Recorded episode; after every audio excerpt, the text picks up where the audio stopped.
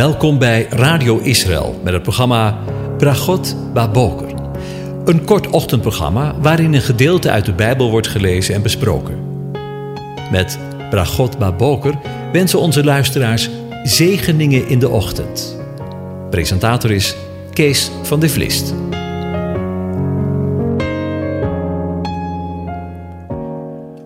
Goedemorgen, Bokatov, beste luisteraars.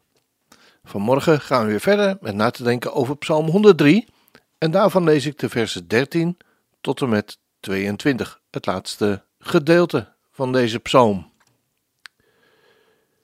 Want hij weet wat volmaakt wij zijn en hij blijft bedenken dat wij stof zijn. De sterveling, zijn dagen zijn als het gras, als een bloem op het veld, zo bloeit hij. En wanneer de winter overgegaan is, is hij niet meer en zijn plaats kent hem niet meer.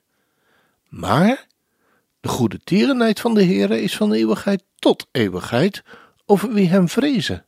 Zijn gerechtigheid is voor de kinderen van hun kinderen, voor wie zij verbond in acht nemen en aan zijn bevelen denken om ze te doen. De Heer heeft zijn troon in de hemel gevestigd, zijn koninkrijk heerst over alles. Loof de Heere, u zijn engelen, sterke helden die zijn woord uitvoeren, gehoorzaam aan het woord dat hij spreekt. Loof de Heere, al zijn legermachten, dienaren van hem, die zijn welbehagen doen. Loof de Heere, al zijn werk op alle plaatsen van zijn heerschappij. Loof de Heere, mijn ziel. Tot zover. Over koningschap gesproken. Vanmorgen willen we stilstaan en een begin maken bij het laatst gelezen gedeelte van de psalm. Vers 19 begint met de Heere, JHWH, waardoor de nadruk op zijn persoon ligt. In de daaropvolgende verse wordt zijn naam, JHWH, de aanwezige, steeds opnieuw weer genoemd. Hij is zo geweldig dat het voor de dichter van de psalm, David, aanleiding is tot een viervoudige lofprijzing. En dat is niet meer om wat hij deed en zal doen, zoals we in de voorgaande versen lazen, maar nu, net als in vers 1, om wie die is. Dit gedeelte van de versen 19 tot en met 22 begint en eindigt met zijn heerschappij. Dat de goede tierenheid van God ook de heersende God is, wordt benadrukt door de opmerking dat hij zijn troon in de hemel gevestigd heeft, zoals we lazen in vers 19. Dat is nu in deze tijd het geval en zal ook in de zeer nabije toekomst zo zijn. Een gevestigde troon is een vaste, onwankelbare troon. Hij verandert niet in zijn regering. En ik geloof met heel mijn hart dat zijn troon binnen niet al te lange tijd ook op aarde zal staan. In die tijd heerst zijn koninkrijk over alles, zoals we lezen in de psalm, in de hemel en op de aarde. Wanneer de tijd aangebroken is dat het koninkrijk van JHWH over alles heerst, volgt er een oproep aan allen en alles om de Heere te loven. De eersten die worden opgeroepen om hem te loven zijn de engelen, zijn sterke helden, die zijn woord uitvoeren, gehoorzamen aan het woord dat hij spreekt. Volgens vers 20. Ze staan dicht bij hem. Ze zijn sterke helden die zonder enige tegenwerping in gehoorzaamheid het woord uitvoeren dat hij spreekt.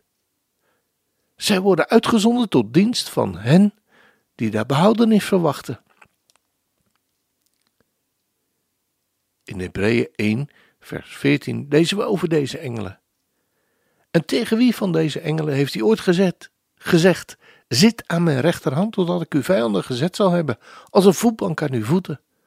Zijn ze niet dienende geesten die uitgezonden worden ten dienste van hen die de zaligheid zullen beërven? Na de oproep tot de engelen die de uitvoerders van zijn woord zijn, wordt de kring van hen die worden opgeroepen om de Heere, de aanwezigen, te loven, uitgebreid tot al zijn legermachten. Volgens vers 21. Zijn legermachten zijn alle hemelse legermachten. Behalve uitvoerders van zijn woord zijn er ook engelen die speciale zorg voor de handhaving van Gods heiligheid hebben, zoals bijvoorbeeld de gerubs. Er is ook sprake van sefars, volgens Jesaja 6 vers 2. Alle engelen zijn sterke helden. Wat moet een legermacht van engelen dan wel voor een enorme kracht bezitten? Maar ze zijn allemaal onder het opperbevel van de Heere, de aanwezigen en slechts dienaren van Hem, die zijn welbehagen doen. En tenslotte worden al zijn werken op alle plaatsen van zijn heerschappij opgeroepen om Hem te loven in vers 22. Hier is de kring van godlovers uitgebreid tot het hele universum, tot de totale schepping. Er is dan geen gebied in het hele universum, in zijn hele schepping meer, dat niet onder zijn heerschappij valt. We vinden hiervan ook terug, iets terug in Openbaring 5, waar we lezen: En elk schepsel dat in de hemel en op de aarde, onder de aarde en in de zee is, en alles wat daarin is, hoorde ik zeggen: Aan Hem die op de troon zit, en aan het Lam, zij de dankzegging, de eer, de heerlijkheid en de kracht in alle eeuwigheid. En de vier dieren zeggen: Amen. En de 24 ouderlingen wierpen zich neer en aanbaden hem, die leeft in alle eeuwigheid. En de laatste regel van vers 22 maakt het weer heel persoonlijk. Loof de Heere, mijn ziel.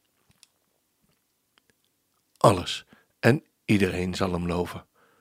Maar weet u, hoeven echt niet te wachten hoor, tot die tijd aanbreekt. We mogen van daar vandaag, vanmorgen, al mee beginnen en doorgaan hoor. Doet u mee?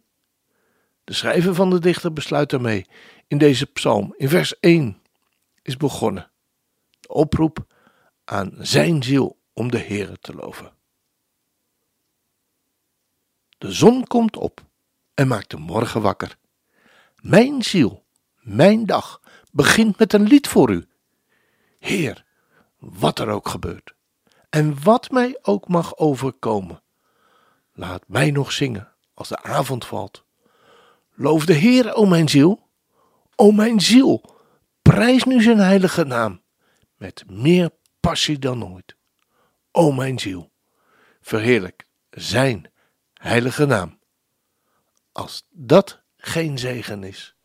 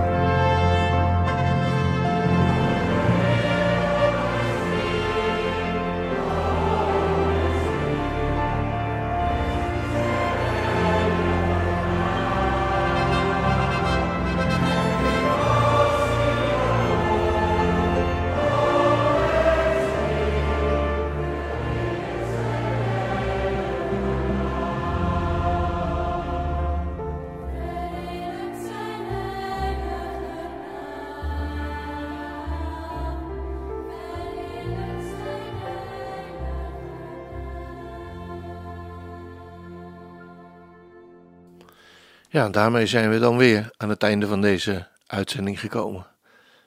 En uh, wens ik u God zegen toe. De Heer zegene en hij behoedt u. De Heer doet zijn aangezicht over je lichten en zij je genadig. De Heer verheft zijn aangezicht over je en geeft je zijn vrede. Zijn shalom. Amen.